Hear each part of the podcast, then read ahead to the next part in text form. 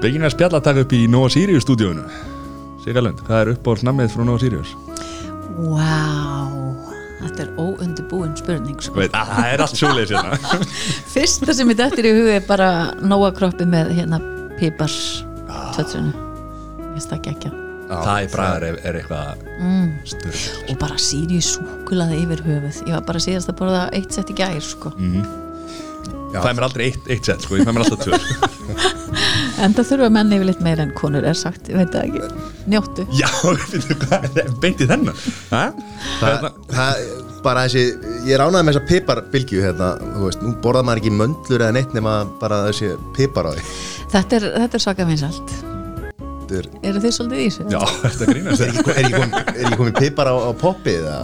Jú, Jú, það passar. Ekki, ekki Já, getur keft líka pípar út í búð og poppaði degi, nei sem sagt pípraði degi popp. Mælur samt með að kaupa Nova Sirius poppið? Já, ná, já, ná, já, það er líka eitt af mínu, ég hef keft mikið af því. Já, ég er að segja það. Ha, algjörlega, Sigga Lund. Sigriðlund Sigriðulund Hermannsdóttir eða Vító? Hvað, Sigriðulund Vító Hermannsdóttir. Ég er enda fekk nafni Sigriðulund Hermannsdóttir en Vító kominn síðar því að þetta er svona ættarnafn eða mannanafna nefnd gaf, gaf okkur grænt á að hafa þetta sem millinafn en uh, það hefur loða við okkur ættina að vera kallaði Vítóar. En þess að afi minn Sigur Geir Ólafsson sem var yfirleitt kallaði Siggi Vító svo, það, var, það fara tvær sögur af þessu Vítónafni, það er annars vegar að eh, hann var í fótbolta, var í marki og valdi, varði svo mörg vítaskott Já. þess vegna fekk hann eins og allir eigamenn fá ykkur viðunefni, þið kannski þekki það. Uh, að Það hérna gott að fá vító samt sko Siggi Reym hétt einn og alls, þú veitir, þannig hann var alltaf kallað Siggi Vító og amma Erla Vító og svo hérna koll á kolli, mamma er Finna Vító Emma, við veist, við erum öll kolli Vító skilur all, ykkur leiti en svo var önnur saga að það var ykkur vinur hann svona þroskaheftur sem að hérna kallaði alltaf uh, því að afi bjóð víðuvöllum og þá sagði var hann alltaf að segja að hann bjóð í víðó. Þannig að þetta eru, það eru tvær sögur og ég veit ekki hvor er rétt. Já, hver, já, hver, þannig að þess vegna fekk hann þá vítanamni líka. Þið veljið bara hvort er betra maður. Það báða sæti, skiptir ekki öll og ræturnar eru þannig í, í Vestmanniðum fætt á uppalinu Vestmannum flytt þaðan 16 ára gömul. Hefur eins og aðri EMN mætur alltaf að hún var nú að klárast. Eða hún reyndar var hún ekki klárast en, en hérna Vestmannaríkin nei og ekki af því að ég valdi það kannski en, en nei, ég hef farið sko, ég hef held ég hef farið sem fullorinn þrísvara þjóðtíð ekki oftar, ég held að það væri bara skilda ef það er að halda Vestmanni er hérna viðabrifinu já, Er það með veðabrif? Já, hefur sérstaklega Þetta er, þetta er þá ekki draumur. Ég held alltaf að, að þetta er útlönd nei, nei, ég er kannski, ég er kannski lík þessu. Maður hefur farið kannski á sunnudeginum. Ég hef ekki verið lengi alla þrjá dagana. Það er alveg mörg, mörg, mörg síðan ég gerði það.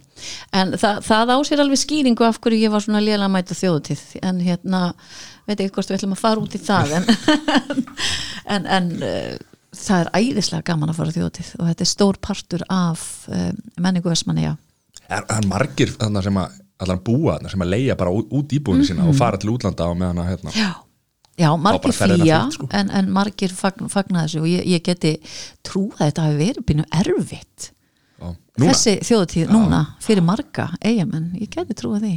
Það var rosa margir sem settu bara hvítu tjöldin í, í hérna garðinu á sér og Jú, það er mitt sæsavít og, og, og hérna frækka mín, þau eru syngjandi fjölskyldan, það er mjög vinsalt að kíkja í partí til þeirra á þjóðtíð, þannig að þau skellt upp tjaldi og það var húlum hægi í garðinum hjá þeim sko, Já, og sko, og víðar um eiguna það er nefnilega sko að upplifa þjóðatíð með Vestmanniðing það er nöysilegt að hérna, ég, þegar ég fór hérna einhvern tímann hérna kringum aldamót. Mest að ekki sko. þá lendum við í þá lendum við í sko uh, kjötsúpu í hátdeinu og Ó, ég Og sé er þetta það sem mér að þú, verið svona kjötsumbu og þa- þar var bara þetta voru, allt eiga, eiga fólk og, og hérna bara einhver gömul kjötsúpu hátti hérna og sjálfsögðu Átni Jónsson mættur og, með Já, já, gítarinn hérna í segðu. hátteginu og sunnudeginum já, já. að spila hérna. Það hefur nú verið forréttandi að fá upplifa það. Já, þetta var nefnilega, þetta var eitthvað svona vinafólk hérna, hans. Mhm. og hérna, það var alveg sko, þú veist, ég var hérna eitthvað 16 ára eða eitthvað og meðalaldurum var svona 75 ára eða eitthvað. Þa, það er ansi langt sem þú eru komið á þjóðtíkana já, já, þetta, var, þetta var fyrsta skipti mitt og þarna svona þetta var, þetta var rigningar árið reyna sem að mann satt að hann í haldin En þú er farið eftir það? Já, já, Já, já, já, ok, ok, ok. En þetta er alveg, þetta er bara sérstökur kapituli, þú veist, fólk er að flytja heilu búsleganar í tjöldinni við hátíðanar Ég þekki þetta kannski Já, bara. þetta er styrla sko. En annars er kannski ég ekkert endilega mannskettir að ræða þjóti Vá. En hvernig, hvernig var nú kannski að aðlast upp í eigum Mhm. sem að er náttúrulega, þetta er ekki droslega stór eiga fannst þér fannst, var það auðvelt, var það, fannst þér það erfitt eða? Nei, mér fannst það bara dásanlegt og ég er mjög þakklátt fyrir það vegna þess að sko ég flytt upp á land þegar ég er 16 ára og hef búið hér mest megnis síðan þá, ég hef alveg reynt fyrir mér annar staði líka en, en hér er bara allt öru þessi tempo. Ég ól upp son minn hér og það er allt en að alast upp í, í Vestmannum þar er maður svolítið frjáls og eins og þetta var kannski sérstaklega þá að, að maður var bara út um alla eigu klifrandi í öllum stittum og klifrandi upp á hústökum og maður var yfirleitt bara úti voða mikið að leika eða róla eða þú veist, já, þú veist og svo bara sjórin ég hef sérstaklega mikla ást á sjónum og ég held að það komi bara sérstaklega því maður er fættur þarna með, með á eigu með þetta svona nálags sér allt í kring. Var- Vir, virðing og Já, og ég hef bara átt mjög sérstakt samband við hafið, sjóin síðan þá bara held ég og ég held að komi þaðan. Því að maður er svo mikil í nálað við, við þessa orku. En mjög gott alls þann upp virkilega. Og ég, þegar ég var 16 ára og mamma, papp, og mamma og pappi sögðu bara við erum að fara að flytja þá, þá ætlaði ég ekki að koma með. Ég fór bara og tekkaði hvort ég geti ég leikt eitthvað kjallar og ég var búin að gera það. En ég var bara tilneitt að koma með fekk ekki að ráða ég var búin að skipilegja framtíðina, ég ætlaði að giftast þarna einum stráka á eiginni og, og lifa þar sem eftir var en svona veit maður sjaldan hvernig lífið tekur mann já, Mm. en þannig að hérna þessi maður hann, hvað ætlar að fara í það? ég, ég, ætla, ég ætla að segja það svo að því að ég er nú bara úr kópói sko, Mhm. eða ekki bara en, en hérna, fólk sem að kemur úr eigum, hvernig, hvernig einhvern veginn talar um eigar og þetta er svo Mhm. einhvern veginn í genónum einhvern veginn já, svona staður nú líka og, og hérna, ert til dæmis ef þú ert hérna, erst upp í sveit þá svona liggja rætuna þarna og svo segja alltaf allir, ég ætla einhvern tíman að hérna, uh, fara aftur í sveitina og, og, og, og búa þar sko, svo Mhm. Já. kannski texta ekkert, ekkert alltaf sko, nema þú, þú hérna, ert búin að gera það að fara í sveitina eh, vera fjárbóndi Já, já, já, já, já, já, ég ákvaða að pröfa það. Ég hef yfirleitt ekki verið hrætt við að gera alls konar. Og ég held að það sé svolítið líka líkillina lífinu. Annarkvort er þetta að þú bara veist ekkert í þín haus hver þú ert eða hvert þú ert að fara eða þá að það er um að gera að pröfa sem mest og þar getur maður að tekið ákvörðun um hvað henda mann og hvað henda mann ekki og það á bara við mann lífið eða störf eða hvað sem er. En já, ég gerði það. þetta er Oh svolítið my að hérna, henda sér hressilega út fyrir, fyrir en við ætlum, að, færa það, við ætlum að byrja á þessar ástriðu fyrir útvarpi Já, sem að hérna sem að þú eða eigum kannski, það? eigum kannski frekar að segja fjöl, fyrir fjölmiðlum. Já, já, það byrja nú samt með útvarpi. En í rauninni fyrsta sinn sem ég tala í útvarp það var akkurat í Vestmannegjum Ég- Útvarp Vestmannegar Nei, þetta var nefnilega kostningar útvarp sjálfstæðismanns eða sjálfstæðisflokksins. Og ég man ekki hvaða ár það var, allir hafi ekki verið bara 13 eða eitthvað. Já, Ég held það og hérna, Afi var sem sagt að bjóða sér fram sem fórseti bæjarstjórnars, hans ekki vító og hérna sigraði þar kostningar öruglega allt út af þessum þætti mínum, nei. Já Nei og ég, ég svo sem veit ekki neitt nema bara að að það er eitthvað kostningútvarp og ég er beðin að koma þarna og ég veit ekkit af hverju því að ég haf aldrei verið að sína einhverja svona einhvern áhuga á því eða eitthvað en ég var mjög ung búin að kaupa mér plötuspilur á fullt af plötum og, og allt það. Þannig að þar var ég með eitt þátt. Og síðan þegar ég flytti í bæinn 16 og uh, fer í FB þá sem sagt var útvarstöðin hérna Alfa sem var kristileg útvarstöð á þeim tíma. Og ég ánáttúrulega pínu bakgrunn í kirkjunni. Að, að ég man í hlustað á auglýsingu í útvarpinu og þeir voru auglýs eftir starfsfólki. Þannig er ég 17 ára gömul. Og, og þá var mann sagt bara ringdu syngja og ég ringdi og maðurinn sagði bara vá, ég heyr að þú ert með geggjað útvarsvöld ég ætla að koma að sækja þig núna og hann kom og sótti mig og testaði mig eða prófaði mig þannig við mikrofónin og ég fekk bara minn fyrsta þátt við það að spila kristilega tónlist og byggja bænir Hvað hétt þessi þáttur? Á góðri stund með Sigurlund Já, Búin að vera með hápolítiskan hérna, hútast á 13 ára og fóst á í svona Já. meiri tónlist og, og já, hérna já. Nei, ég segi nú, ég var ekki að tala um þarna þegar ég var, gam, þegar ég var 13 og alls ekki, ég var nú alveg að spila tónlist en maður lærði nú ímislegt um pólitíkin í aldursun ég um að hafa Já. þannig að maður gæti nú leikið ímislegt eftir þó maður hafði ekkert vita hvað maður var að tala um en já, pólitík- byrjaði pólitík. fyrsti þáttur minn og, en kemur þá kemur þá vantarlega ef, að- afiðin var svolítið í pólitíkinni Mhm. var mikið pólitík þá á heimili fóldra þinna Nei, alls ekki alls ekki, þau hafðu alveg sína skoðanir og allt það en, en ég, get, ég ætla að viðkynna það hér með að ég kaus alltaf sjálfstæðsflokkin fram eftir öllum aldrei út af því að það var bara skilda fyr, frá ömmu sko. Mm. og það var ótrúlega fast í mér lengi verið þá getur maður að fó bara að taka sína sjálfstæða ákvarðanir. Og, og hérna ég man þegar ég kaus eitthvað annað en sjálfstæðsflokkin fyrst ég hugsaði bara, vá, þetta get ég aldrei sagt ömmu sko. Þannig að, nei, ekki á mínu heimili en ef maður satt í eldur hjá ömmu afa og þá var það amma sérstaklega hún hefði orðið flottur svona verkalýs leiðtogi. Hún var með ótrúlega flottur skoðanir og, hérna, og ákveðna skoðanir um hlutina. En elskaði sjálfstæðsflokkin Já. en þú var samt nokkuð sjálfstæð sem úlingur, ég meina þú tekur þína eigin ákvarðanir varandi trúmál og þú varst hérna í, í, í grænum buksum með, í peysu með hliparamistri og aflita og með hanakam er þetta myndir af því? Býttu, býttu, hvar, Við þurfum að fá myndirnar af því, er það til eða? hvar fegstu þessar flessingar? Þetta var, þú svaraði þessu fyrir örglega, sko, örglega 15 ára síðan í einhverju viðtali um, og þetta var held ég að vera að spurja hvort þú hefði lendi einhverju tískuslísum. Vá, ég, og bara ég geri það mjög reglulega en þetta í dag, algjörlega. En hérna, þetta nei. Sko málið er að tek sjálfstæðar ákvarðinu segiru, ég einhvern veginn sex ára fer ég að fara í sunnudarskóla í Vestmanni með vinkonu minni sem að, að hérna, bjó á móti mér þegar ég flyttin í tús, kynntist við.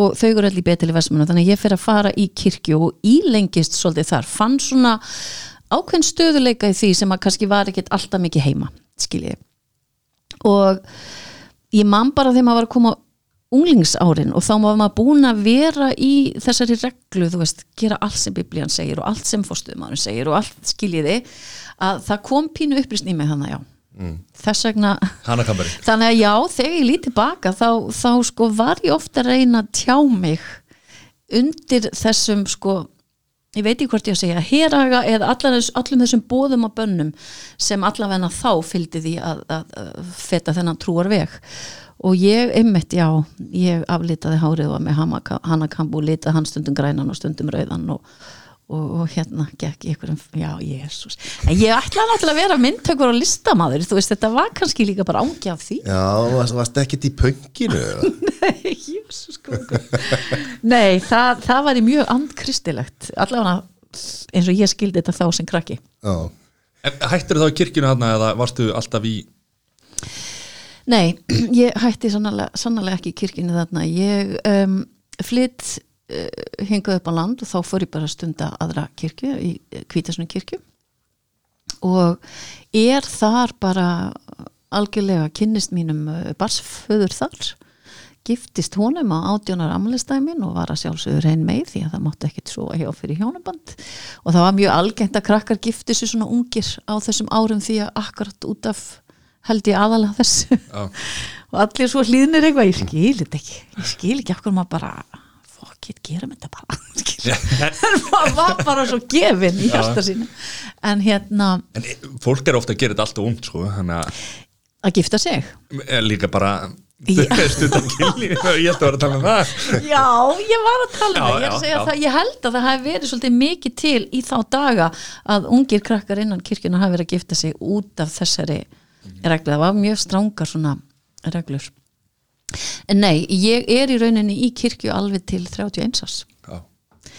og uh, þú veist, vá, þetta er svo og, og sko ég átti eftir að hætta í Kvítasunni kirkjunni og, og, og hérna ég átti eftir að fara til bandaríkina fyrir biblíuskóla og fra, í framhald að því lendi ég svo, eða lendi ég verð með í kirkju sem heitir Frelsið, Kristili meðstuð og það var byrjaði allt mjög vel en var algjör heila þóttastöð á lókum og, og ég hætti í þeirri kirkju 2001 þegar ég var 31 árs ef- mm, sko þá var það vegna þess að fórstuðukonan helt fram hjá með e, þýtugum ungum drengi í kirkjunni Já. og e, það splundraðist bara allt 20 miljónar konar skuldir á fólk, margir auðvitað gjaldtróta og, og e, þarna stóð ég bara í fyrsta sinn á æfinni 31 og svo þurfti bara að fara að taka ákvarðanir sjálf og það bara kunni ég ekkert ég hefði bara alla æfi látið einhvern pastor eða einhverja biblíu segja mig hvern mér átti að líða eða hvað ég mætti gera þannig að það voru tímamót Mm. En þú hefur nú sagt það einhvern tímann að þú ert uh, hugsalega með bók í bíker Mhm. í uppgjör hérna við þetta tímabil munum við sjá bókina? Já, þið munu sjá bókina hérna stefna varmæri sé að hún kæmi loksis út fyrir þessi jól en það er ekki gerast. Og ég trúi bara að það er alltaf réttur tími fyrir allt og aðstæðar hafa bara verið þannig að eh, það hefur bara ekki alveg gengið. Og ég ætla eiginlega svona, ég er svo oft búin að segja þessi bókuleiðinni, þessi bókuleiðinni en hérna, hún kemur þegar hún kemur og ef hún kemur ekki út sem bók þá kemur hún út sem heimildamynd eða eitthvað. Þess, þessi saga verður alveg uppgerð ekki út af því að það er eitthvað bituleiki eða hatur eða neitt slíkst heldur bara að þetta er mjög merkileg saga. Og mjög merkileg að því leiti að það sem gerðist þarna gerðist hér á okkar litla Íslandi. Og það veit enginn að því. Það var bara mjög margt alvarlegt sem átti sér staðana Já, já, þetta er hluti bara svona hérna, sem að allir þurfa að gera, gera upp uh, fortíðina og hérna, alveg einmitt eh, bók sem að á fullt erindi Mhm. eins og við, ég nú lesið eitthvað um, um, um það, það sem að þú hefur og fleiri hafa sagt um þetta tímabil að Mhm. þetta er eitthvað sem að ætti að, vera meir upp á yfirborðinu heldur en algjörlega, því, sko. ég hérna það var að segja einmitt uh, algjörlega og, og maður hefur gert tilrunni til þess en eins og ég segi, það er staður og stund fyrir allt og þegar hún á að koma út kemur hún út en ég held að það verði fyrir en síðar því að þetta ég er búin að tala um þetta mjög lengi. Mjög, en að sama skapi að því ég hugsa tilbaka á þeim tíma sem ég ætlaði að láta hann að koma út ég var ekkert tilbúin til þess. Og ég man, ég eiginlega leggast af með þessa hugmynd með svo bók árið 2005 þá hérna, eh, þá var ég að vinna á létt 96,7 og ég var alltaf að fá konu í heims og tímin úr feministafélaginu sem að vakti mis jöfna lukku hjá kallpenningnum í fyrirtækinu. Ég vildi bara svona vekja upp svona meiri um, umræðum um konur og svona. Og ég deili þessari sögu með henni og ég segi við hana, er þetta efni í bók? Og hún segi bara, oh my gosh, já. Og tengdi mig við konu sem að að var sem sagt bladamaður á tímariti sem var þá í gangi og veluna bladamaður og við hittumst og við ákvæmum að byrja á þessari bók. Og förum þá, förum þá og hittum eh, einhvern hjá bókaútgafinni Eddu sem var þá ekki Walt Disney eins og það var síðar. Og hann segir einmitt við mig sko, hann, hann les uppkastið og, og það sem bárum á borð fyrir hann og hann sagði um, þú gerir alveg grein fyrir að þessi bók verður stór. Og ég bara, gerir mér enga grein fyrir því skilur og líktinni við aðra bókum um sýstu sem verður fyrir kynfyrslu ofbeldi. Þetta er bara svona samfélagssaga og, og hann segi, ertu bara tilbúin og bara út af hverju ertu að gera þetta? Uh, þú veist, hver, hver er tilgangur hvert er intentionið? Og fekk svona svo- svakalega spurningar. Og hann vildi gefa þessu bóku út og ég náttúrulega svara bara heiðarleika en veistu, ég var enga með tilbúin þá til þess að fara að gera þetta verkefni. Og það er í rauninni ekki bara fyrir núna sem ég væri tilbúin til að standa í því sem að fylgdi því að gefa út svona bók. Skiluru sem að gæti verið alls konar og gæti alveg ekki verið neitt. Maður veit ekki, maður veit ekki. En hann allavega já, en hann sem sagt, og það sem akkurat nákvæmlega eins og lífið er að, að það sem gerir svo hann að fara sem sagt inn á fund með þessu bók, það er sem sagt þá eru það nokkur sem taka ákvarðanir um, um þetta. Og bara nokkrum dögum að fundurum var þá var honum bara sagt upp. Og, og ég er allan að þannig trú að þetta var bara akkurat ekki tíminn til þess að gera þessu bók þannig að ég trúi því, allt er eins og á að vera. En eins og þú segir, ef það verður ekki verið tilbúin það verður ekki að verið alveg Nei, ég bara, alveg, sko. vistu það, ég hefði bara svakalegt. aldrei getað þetta þarna, aldrei. Og það er ekki, ég bara það er ekki fyrir núna sem ég hef bara farið mjög langa vegferð með sjálfa mig að ég gæti virkilega staðið og þú veist, ekki það að maður er að þú veist, ég telja að gefa út þessa bók uh, þýði eitthvað stríð við einhvern, alls ekki en ég meina að þú þarf samt að staði í lappirnar. og, og staði fyrir sögunniðinni og þóra bara að bæði viðurkenna það sem það er skrifað og framvis og framvis þannig að Og þú ert hérna stendur þarna svolítið á eigin fótum 31 ás, búin að vera á hard rock Við er, þetta góð í lagi? ko- koma hérna hérna, ert á þessu, þessu tíumfili við ætlum, ekki að ég ætla að býða eftir bókina, ég ætla að lesa bókina þegar, hún kemur sko. og þá uh, byrjar þá svona fyrsta atvinnu uh, útvarsverillin á, á létt 96,7 sem að er létt bylgjan í dag. Uh, þetta er svo ég man eftir svo að því að þessum tíma þá er ég, hvað er ég gammal þá? Þá er ég 18 ára. Mm veist, stilt á, á maður var keira og stilt á létt og, og, og, og heyraði þá. Hvernig, veist, mér fannst þá eins og þú hefði bara verið, búin að vera í útvarpinu í tíu ár á þeim tíma. -hmm. hvernig var ekkert mála að bara koma beintin í útvarp og vera bara eins og einhver reyns- reynslubolti? Já, þakka fyrir, ég ætla að taka þessu sem hrós eða hrósi, jú um, sko um,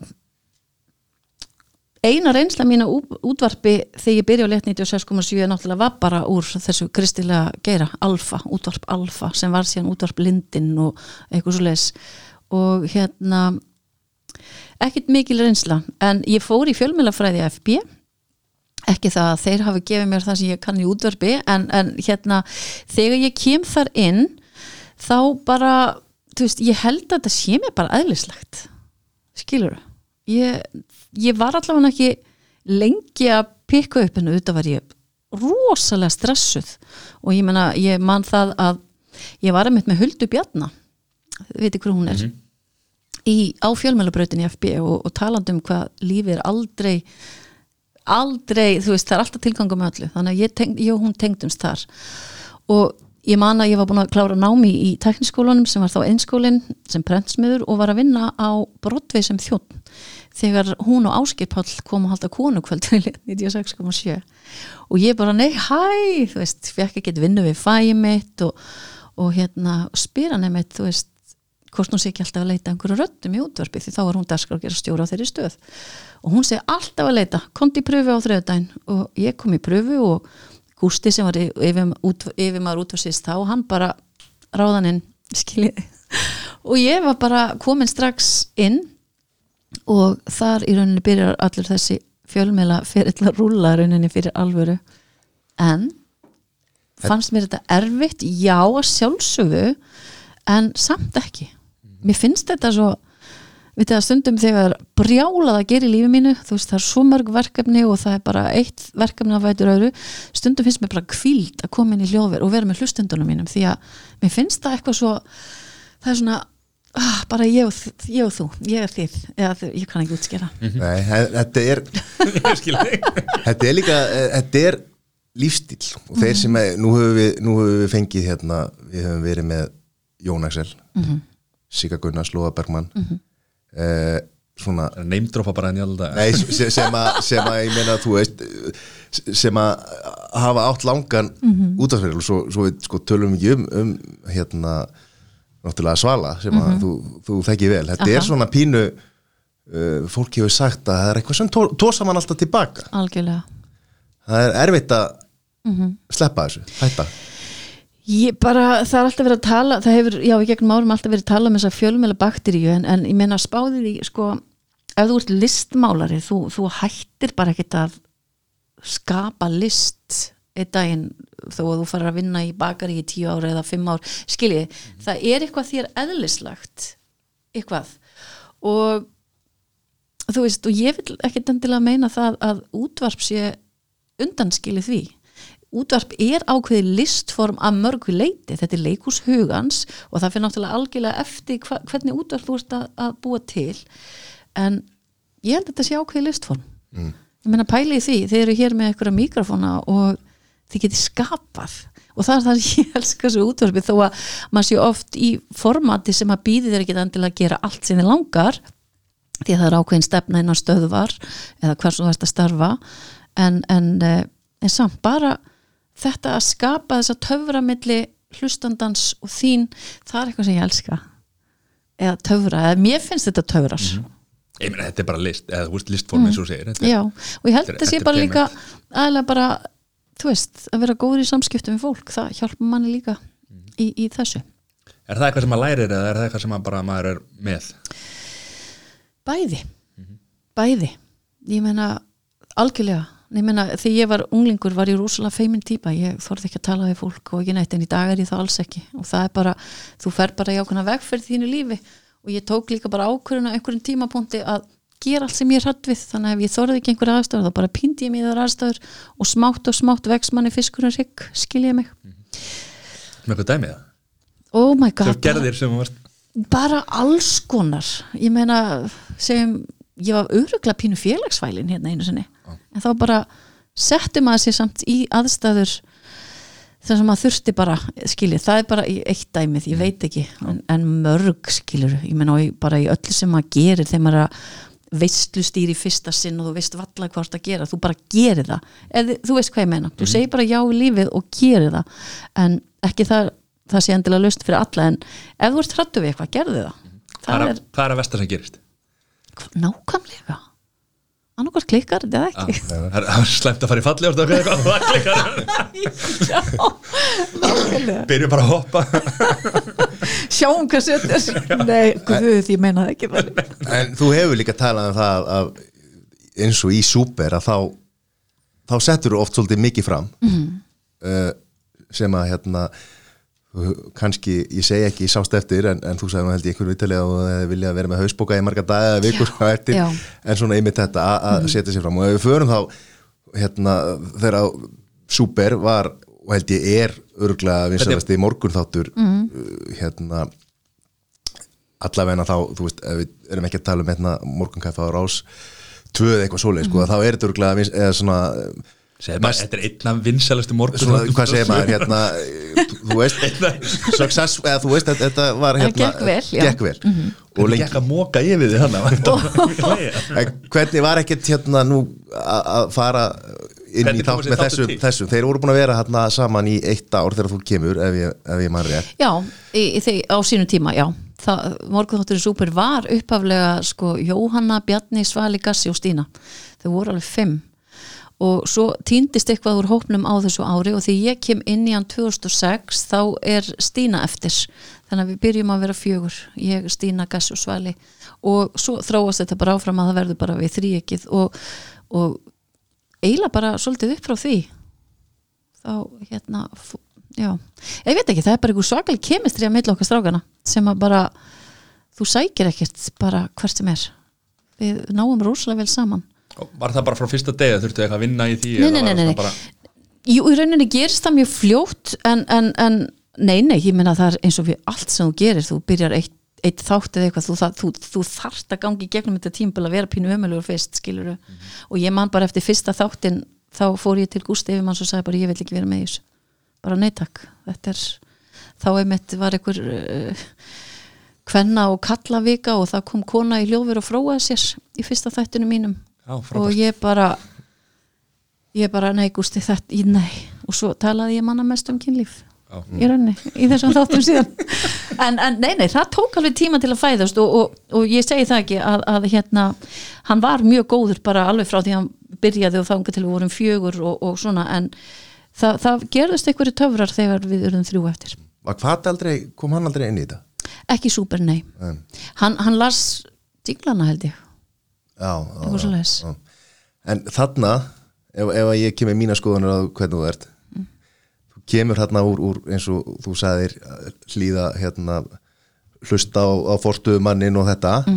En Kemur- býtu, ég var samt búin að fara í gegnum fokkidól tímumbilið áður en ég kem þarna. hérna ég kom ekki beint hérna. Halleluja skilur, ég var alveg búin að beintur út ok, fyrir ekki vissir þú þá að þið eða þú verður að gera svona hluti sem að kannski á undan ykkar uh, samtíð að bæði að vera svona hérna opinskár mm -hmm. allan að uh, undan sinni samtíð á Íslandi náttúrulega Páll Óska vantarlega kannski búin að vera með Dr. Love sem að svona hérna var svona að tala um, um tilfinningar og, og, og, og engalíf og, og persónulegt líf mm uh, Ég heldur að þetta toppaði lengstu spurningu svo, svo, svo kemur þú þarna og, og, og ert mjög opinn og, og er að tala um ímislegt og, og hérna vissir þá að þú væri kannski þá átti eftir þessi, reyfing eftir að eiga sér stað? Vissir þá að þú væri svona kannski frumkvöld að þessu sviði? Ekki hugmynd sko. Ef ég var ykkur frumkvöld, ég veit ekki. Ég, bara, sko allar mínu æfi hefum langað bara að vera hrein og bein, hreinskilin og einlag og sönn skiluru og það er kannski ástæðan fyrir að maður lendir í trúnni skilur, maður vildi bara svona einhvern veginn ég veit ekki nei, og ég get sagt þér það að, að eða ykkur að, að hérna, þessi ár sem þáttur mann í loftinu ég gerir mér enga grein fyrir vinsaldunum, ég gerir mér enga grein hvað við vorum að gera góða hluti. Það er ekki fyrir núna ég var að hlusta á þetta allt aftur áður en við endunýjum kom okkar hérna á 50 ára amalstæðin minn að ég bara fokk hvað þetta er gott! Ég lá í krampa yfir eigin bröndurum og þeirra bröndurum og gestunum okkar og, og ég gerir mér en, nei, gerir mér enga grein fyrir þessu. En það sem að þátturinn var sko og í rauninni er, er bara svolítið líf okkar. Og þetta var pínur svona raunveruleika útvarp. Og þarna byrjaði maður með og maður skildi og maður tjáði og stundum var ég að segja allt og margar hluti og gerði mér ekkit grein fyrir því en, en, en, en myndi kannski gera þetta öðruðs í dag en, en ég lagði virkilega hjarta mitt bara borðir og rætti þetta bara eins og ég hef oft talað um það í viðtölum að þetta var bara svona eins og vera með sálfræðinga að hafa lustendur að það sko því að við ekki, rættum ekki voru hinn tveir að hjálpa þér eitthvað? Jesus, nei, oh my god. Nei, nákvæmlega. En þessi op, að vera svona opnbæri og, og leggja allt á, á borði hvað, er, var það bara ekkit annars en kóti greina er þetta bara þú eða þú veist hvað Eitthvað bara- meðvitað eða- Nei, þetta var ekkert meðvitað, ekki neitt. Þetta bara, þetta bara gerðist Mhm. og hérna og gerðist svona, þetta var alls ekki neitt meðvitað, nei. En þú viðraðar þá hugmynd sko 2008 um að, um að fara í, í kynlýsákjöf Já, það er áðurna áðurna hérna ragga og, og, og siggadögg og eh, svona áðurna það, það verður svona starfstitill. Já, það er einmitt þessu sem, sem ég var að koma á hann að vera svona svolítið aðeins á undan bylgjunni sko. Já, veistu það ég er búin að læra það eftir á að ég er mjög oft undan minn samtíð. En ekki það, Sigga Dögg var í námi Ástralíu á þessum tíma. Og ég, ég húrra mér í það að klára stúdensprófum mitt og var virkilega að stefna á ég var búin að vera samskipti hana um að fá ráleikinga varandi námið og eitthvað svona en þá kom bara uh, kreppan, skilur og það var ekkit svo öðvöldlega hlaupið út til Ástralíu allaveg og hérna þannig að það varði ekki úr því. En sem betur fer því að þegar ég hef talað betur við Sigurdögg þá var þetta ekki endilega námi sem hefði hemta mér þó að áhuga sviðið væri þarna. Þú veist, ég elska að lesa um kynlíf ég elska að stunda kynlíf. Ég- nei, ég bara, ég elska allt í kringum þetta. Og hérna og ekki, þú veist, þá er ég að meina bara mjög svona heilbrán og áhuga samanhátt skilur vegna þess að af hverju er kynlíf svona magnað? Hvað er það sem tengjur okkur í þessari, í þessari aðtöfn og, og þú veist, hvernig getum að gera það betra? Og ég veit ekki, ég bara ég var alveg á réttri hillu þarna. Svo er það líka hinn hin, hin hliðin á þetta af hverju getur fólk ekki talað um þetta eða margir getur ekki talað um þetta af hverju fe, feimið að tala um þetta og er Já. það ástæðan fyrir því að þetta sé svona já Já, já, það var oft talað um að maður hefði aðteglisíki þannig galanda út af því að maður, við vorum að tala um þetta en málið er bara það, strákar, að ástæðan fyrir og eina ástæðan sem mér fannst svo gaman að tala um þetta var bara vegna þess að þið sjáu það að því ég er 31 ás þá hafði ég sofið hjá tveimur mönnum eða fyrir ekki, einum eða hvað tveimur What? Nei, sjáu þið, sjáu þið nei, og þetta, alla mína asku og, og bara í minni trúargöngu er þetta bælt, þetta er bara, það er bara synd, það má ekkert, allt í kringum þetta er bara off limits.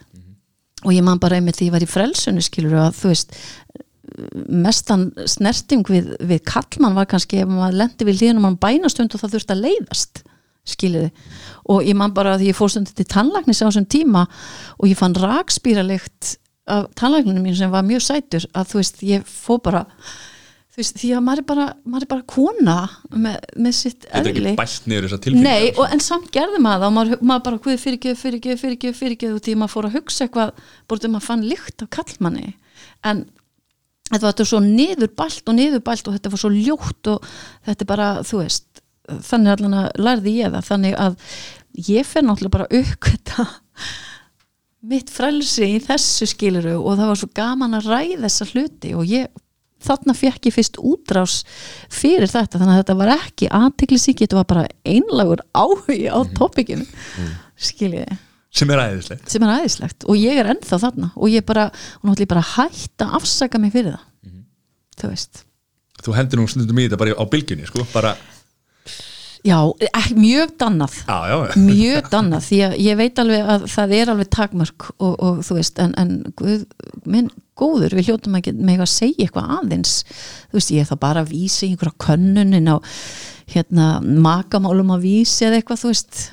Þið veitir ég er ekki beint að tala Nei, um það þar en, en- en þetta er bara partur af okkur. Já, og vitið það að þetta er akkurat málið. Kynlíf og kynorkan og kynorkan okkar er lífskrafturinn okkar.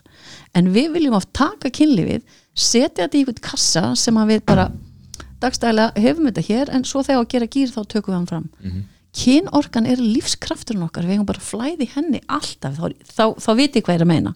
Ég er ekki að segja að ég að vera. Nei, hérna nei, bara, bara- horny as a dog all day long skilur þið, ég bara meina Mhm. kynorka miklu meira bara að gera það kynorkan er lífsorkan okkar og, og það, já, já ekki bæla þetta niður og, og, Alls og, ekki. og þetta, hérna. nei, Mhm. alls ekki Nei.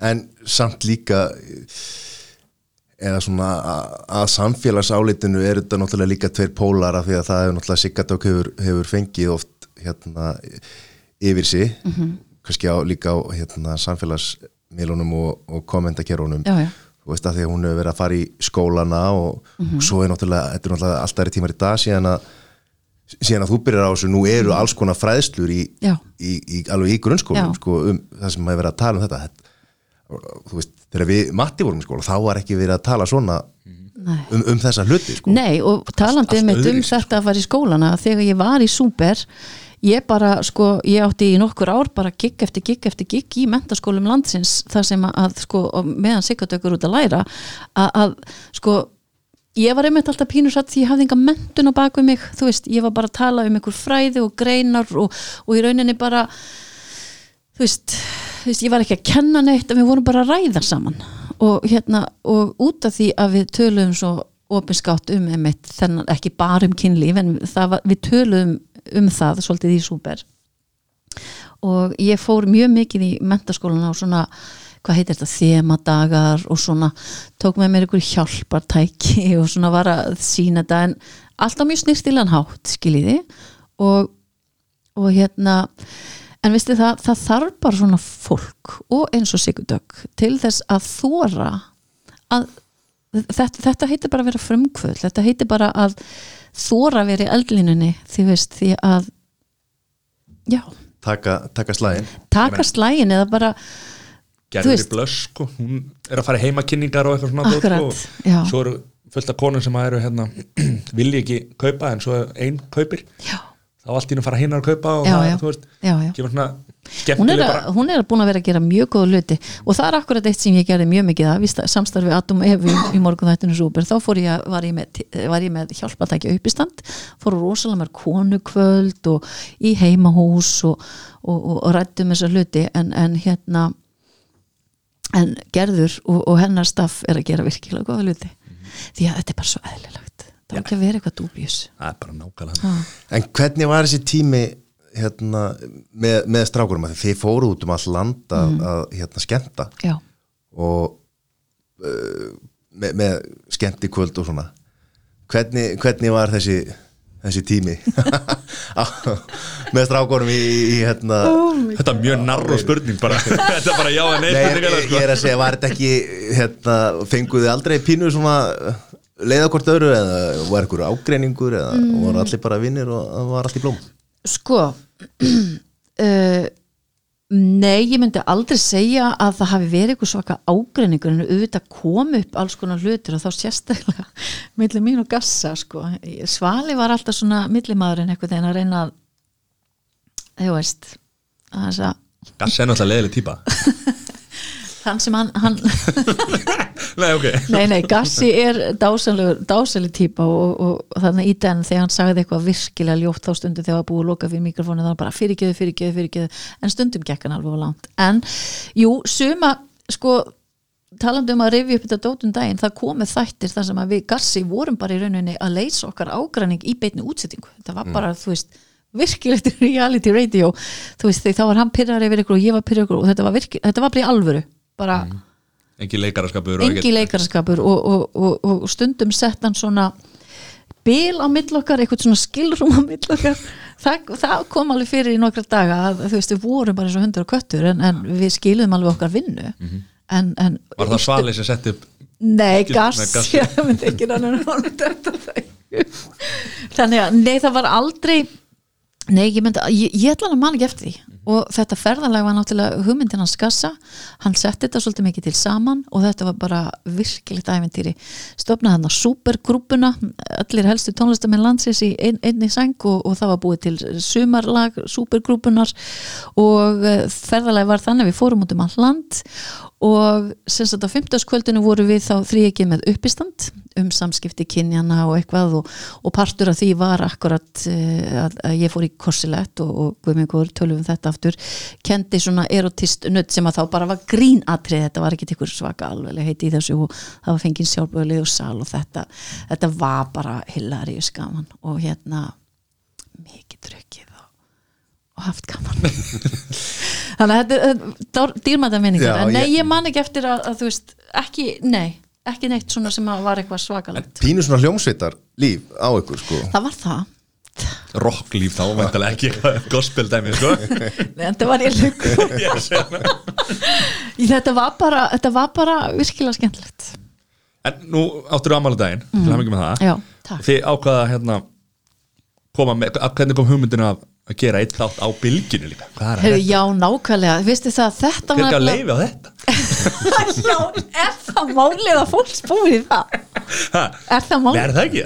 Sko, jú, jú, við fengum alveg bara á veist Sko, ég var ekkert að spá í þetta neitt, þú veist Við höfum alveg heyrst gegnum tíðina við þrý ekki, þú veist, bara þú veist, bara góð vinskapur og, og, og við sem sagt, við, við eigum eitthvað vel saman í þessu, ég veit ekki hvað það er en hérna, Love hate eitthvað? Ég, nei, þetta er bara lof, þetta er bara algjörð lof en já, þannig að sagt, það, hefur alveg komið til tals hjá okkur að gera eitthvað. Þú veist, jafnvel podcast eða review gamla rekki eða tala um ykkur, þú veist, það, þú veist við höfum rætt það alveg oft í gegnum tíðina nokkur sinnum, svo er ég bara að synda í, í, sundu hlafnafjörðar hann að ekkert svo löngu fyrir ammali mitt og þú veist, ég er ekki eins og að spá í hvað á ég að gera fyrir ammali mitt, þú veist, var, þú veist þetta var bara, ég veit ekki, þessi hugmynd bara kom. Ég var bara í miðri sundleg þegar bara hmm, já, ok geti það verið eitthvað?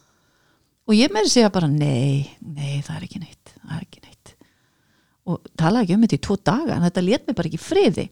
Þannig að þetta var á föstu deg og mánudegi sendi og strákana strákar ef þú veist væri þið til að gera eitt þátt í tilhefna 50 ára amalinu mínu? Og það var bara engin spurning þannig að það var bara farið að tala um mína yfirmenn sem að segja bara já geggjað go for it, þannig að þá fór vélinn bara af stað því að við erum bara vél gassi með alla hönnunina og ljósmyndari og þú veist setur upp allt og er bara algjör maskina þegar kemur að því að plugga hlutum sko. Þannig að þetta fór bara alltaf stað og svo var sem varð og ekki nóg með það bara hlustunin á þáttin var svo svakaleg að eh, nú er ég að segja fréttir að við erum jafnvel að Kom aftur? Já. koma aftur einu sinni í viku á bylginni. Já, Já. Hvað? föstudum Á föstuðum? auðvita Þetta er förstudagsláttir Þannig að það er það sem er í pípunum núna. Já. Ég er mitt bara að fara í myndatökur fyrir það á morgun. Veistla. Spurning Hvenær kemur sér þáttur út eiginlega? Fimmtudaginn. Ok Hanna, já Það er mánudagur það, það er Við fimmtudaginn við erum að skúpa Við erum að skúpa Sú, sú, sú, Verður þetta Er þetta verður- súperskúp? Þetta verður súperskúp Já, svo lengi sem, já, ég ég er örglega Sælir. Ekki nema þetta verður komið að Við þurfum að gefa hann út á morgun. Þannig, já, þetta Hvernig sem fyrir En akkur, akkur eldist sval ekki? Akkur lítur hann alltaf eins út? Veist þú það? Veistu það, ég var bara að spyrja hana þessum daginn hann er með grímu. Þetta guðvel mynda á Hún er setja á svona einhverju grífu Nei, Svali er, ég veit ekki. Hann er bara, ég var einmitt að segja við hann um daginn að hérna, ég var einmitt að horfa myndina með Joe Black. Gömul mynd með, með Brad Pitt og ég sagði við hann fórum hann í sveitina til Gassa fyrir einhverju síðan og ég sagði veistu það?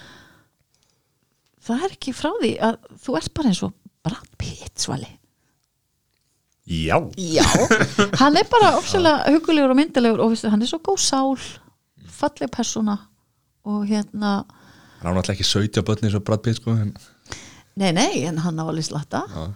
1, 2, 3, 4, 5, ég held að er 5 börn. Það er Svali, Páll Óskar og, og Gísli Martin Gísli Martin sem eru svona eiginlega standaði í já, stað. já, ég bara skildi ekki Þeir eru þeir eru að taka ég, Við erum að koma að ég væri til í að fá eitthvað að þessu það komið einhverja skemmtilega spurningar hérna frá, frá hlustendum ok, á, í gegnum Instagram hjá okkur mm. -hmm. hvað er skemmtilegast sem við gert í útarpi þetta er eitthvað svona létt spurning Mm. skemmtilegasta sem ég hef gert í útvarpi Vá Ætli ég verði ekki bara að segja sko ég hef mikla rætur til þáttarins súper, ef, má- ef þú ert að tala bara um eitt atvik, þá veit ég ekki en ástæðan fyrir því er hlustendur. Mér er svo skemmtilegt að vera í sambandi við hlustendur. Og það er það sem morgun þátturinn gaf okkur svo við áttum svo ótrúlega gott samband. Það var alltaf hægt að treysta á samræður og síminn ringdi og svo voru bara komin í fasta hlustundur og svona. Þannig að það tímabil er mér mjög dýrmætt en ég gert svo margt skemmtilegt í bytni útsending og ég hef látið tattu vera mig og ég hef farið í tífóli og ég hef verið full ég hef farið í fallíf og stökk ég veit það ekki, það er bara ótrúlega mikið. Þau eru verið full í útarpinu hvað er hérna? Já, það er bara eina af þessum áskorunum sem að kom og, og ég bara eins og asni bara já, já, ok, ekki máli. Þannig að einn daginn þá tók ég þeirra áskorun og það var bara að morgumaturinn var bara ávaxtasafi og vodki og þú veist, svo var ég bara í þrjá tíma að drekka þetta. Og, og, og, og stóð mína plikt í þættunum og var að lesa mína fréttir en hundi loki var maður orðinn svolítið þöglumæltur og svona. En eina af þessum vittlisum sem maður hefði ekki dótt að vera að gera. Við kallum þetta strákandi dagur í lífi sæðhús en það er Ég ætla að segja einmitt, þetta er bara mig Þetta er á matsilunum að matta alla daga sko. Þú tókst átt í sterkasta konu Íslands. Já. Þið komið víða við. Það var líka svona áskorun hérna, Akkurat. já, var, þetta ekki gaman að gera alltaf eitthvað svona nýtt bara og hafa þá ástæð af því að þetta er einhver hluta af einhverju Jú. eh, hluta af vinnunni? Jú, algjörlega og þess vegna segja ég, hef aldrei verið hrætt við að bara segja já og prófa. Og við vorum með meitt búin að vera í ofinberu crossfit átaki, átaki við í Súper og vorum bara eina af þeim fyrstu sem fóru að stunda crossfit á Íslandi þannig um 2008 og fórum í ofinbert átak og byrtust þeim eitt á fórsíðu síð og hirst ég hérna með bum, bumbun út í loftið fyrir myndin það var oh my god, það var líka eitt, það var ekki þægilegt. En hérna, vorum búin að vera svolítið æfið því þannig að maður var ekki alveg fór ekki inn í keppnina algjörlega óundubúin sko. Svo mann ég að Gemma sem að, hefur oft verið sterkast konar Breitlands komið vital til okkar. Og við erum að ræða um sterkast konar Íslands og það er bara skora á mig að taka þátt. Og ég bara, já, ekki sko. Og fórstu þá í einhverjar, einhverjar strángara æfingar Ég held bara áfram mínum crossfit-æfingum en mætti einu í viku upp í, í Kim til hennars og æfði með stelpunum sem voru að fara að keppa. Þannig að þú veist, maður var ekki alveg grætt bak veirun þegar maður þurfti að fara að keppa sko. að æfði maður keppnisgreinarnar og þetta var rosalega gaman. Ég, ég, ég elskaði olimpísku liftingarnar deadliftið og, og, og allt saman með hérna stönginni. Ekki trættum að, þú veist fara í bakinu eða Nei, nei, ég, hérna, ég er svaka sterk sko ég er það. Þannig, nei, var þetta ekki, var ekki hérna, einhverjum svona steinaþrautir og alls Jú, konar þetta var hérna, bara, ég man ekki eins og hvað þetta heitir allt, þetta var, þetta ber einhver þvílík 20 kíló á öxlunum og það var einmitt að lifta þrem þing, þingdar uh, þremur þingdum á steinum og það var deadliftið. Og ég man sko því ég var um að, upp, á- upp á mitt besta, þá lifti ég held ég 210 held ég við lift 210 það er bara eitt sæður það er það er bara, sæður, já. Ég, við, við ætlum að tilkynna þú ætlar að skora á Hafþó Július hann, er- hann er hættur.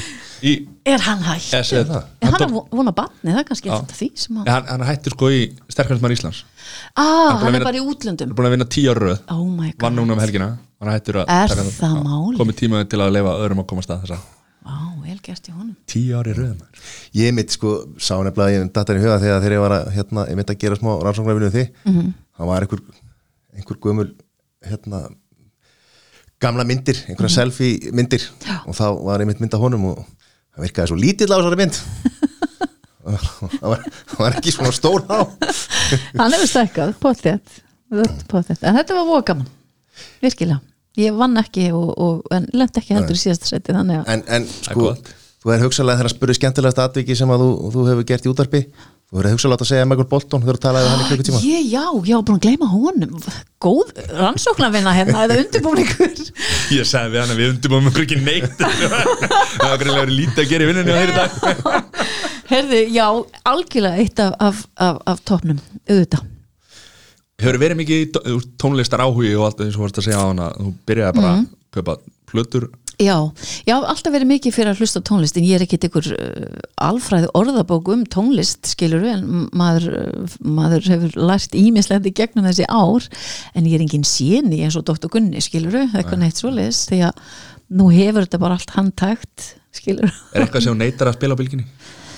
Uh, Ég hef bara ekki mikið um að segja hvað er spilað á bylginni. Lítur að rætta að íta á ekki, ekki þetta lag eða eitthvað sjöfúl eða eitthvað, það lítur að ha, er þetta allt ákveðið? er, Já, þannig er formatið á bylginni. Það er sem sagt, það er bara ákveðin talva þú veist sem að velur velur lögininn og, og velur úr hvaða kategóri. Og er að passa upp á sami tónlistamæðurinn er ekki ofta, oftar en uh, skiliru og það eru sem sagt flokkar, það eru vinsalstu lögin sem að heyrast þá þryggja klukkutíma fresti skiluru því að það er aldrei sömu hlustendur það er ekki allir að hlusta í átta tíma á dag. Þannig að þetta er rosaleg pæling á bakvið þetta. Og, og það er lagt upp með okkur náttúrulega bara að fylgja þessum playlista. Og auðvitað gerir maður einstaklega sinnum undartekningar skiluru og, og, og það er allt í góðu. En, en þetta er ekki skipar þannig það að yfir einhvern? Skipar alltaf ef ég þarf að taka út lag þá, þá, þá, þá vil ég það. Ég get ekki sagt hver það er ekki neitt sérstakur það er bara lagi sem ég hefur síst á þeim klukkutímanum en, en, en samt mælist bylgjan alltaf mest. Mhm. Og, og, og hæst. Þannig að hérna, það er eitthvað að virka í Gera þessu. hvað hérna, hvernig vinnu það hér? Uh, bara mjög skemmtilegur. Eh, eins og hann er núna þá er ég svona já, ég er að koma neyri í vinnu svona alveg milli 11 og alveg upp í hálf eitt stundum svona allan í sumar. Ég held að ég verð að taka þetta fastari tökum núna í vetur. Það er enginn að hlusta alltaf en hérna uh, ég vil uh, ég fer á syndi mikið á mótnana vil helst taka kalda og heita og fara í sána en, en hérna nú er sánin lokar þar sem ég fer að synda út af þessu COVID-dæmi. Ég elska það.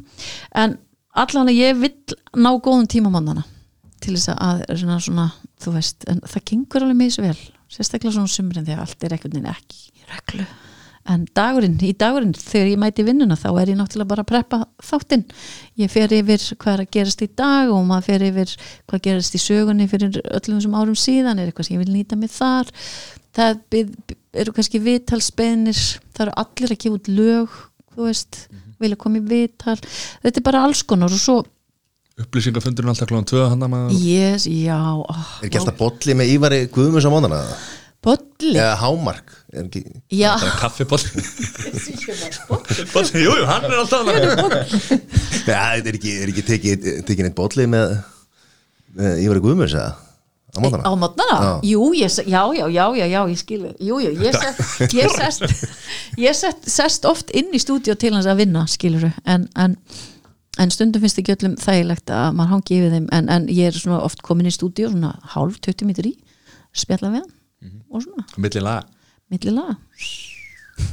Litla stemmingin hann er ekki lög hérna? Þú veist það ekki erfitt að klára ef það vorst með eitthvað viðtal? Og það þarf að koma auðlýsingar eða, eða hérna, lag eða fréttir Já. eða eitthvað. Og það, þú, þið, lang, þið, þið langar til að spyrja fleiri spurningar. Hvað hérna, finnst þér þetta ekki erfitt? Munurinn á podcasti og, og útarpi að Sko, jú, að mörgu að, ég get ekki sagt, mér finnst það erfitt því að þú, þú leggur bara af stað sko, eins, eins og til dæmis vaktin sem ég er á melli eitt og, og, og fjögur þetta, það, það er ekki pælingin að vera með eitthvað brálasa löngu viðtöl. Og hérna þú ert í rauninni bara að reyna að fá djúsin einhvern veginn til dæmis að fara að koma nýtt lag. Þú veist, þú ert ekki einhverja tíu mínútur jú, það getur farið upp í það, það en þú getur alveg farið upp í uh, eða þú veist það er ekki verið að taka kortir 20 mína, 20, 20 mína viðtal. Því að klukkutímin er brotin mjög vel upp skilur það er, það er auglýsingar þreysor klukkutíma og skilur þú riðla bara öllu batterinu og þetta er tónlistaprógram frá tíu þegar Ívar byrjar og til fjögur að þá er það tónlistin sem á að vera í aðalhuturki en þú vilt kryddana með smá veist, Mólum. mólum og það sem ég hef líka leikið mér svolítið með það er bara líka misjamt þú veist, það er bara að taka svona örviðtöl oft fyrirfram sem maður spila svo bara föndra með inn í lögin eða eitthvað. An, og líka maður, þegar maður hefur tekið ykkur viðtöl eins og um hvað fjallalægið, þú veist, þá tekum maður bara brú- bútinn ykkur tíma síðar og spila það með. En nei, mér finnst það ekki erfitt en, en ég ætti híglust að, að vera með viðtalsþáttur sem ég get talað hillingi við fólk því að ég elska að tala við fólk sko. Þetta er skemmtilegt. Þetta er rosa gaman. En talandi um að krydda lífið. Mhm. Ég endan á þessum super þætti Já, sem var á í þetta. Já, er það ekki? Við verðum að fara í þetta. Já, já, Giftist sjálfur þér. Mhm. Hvað er hérna Þetta er alveg magna Mhm. Er það ekki? Já, það ringur og allt maður. Þetta er náttúrulega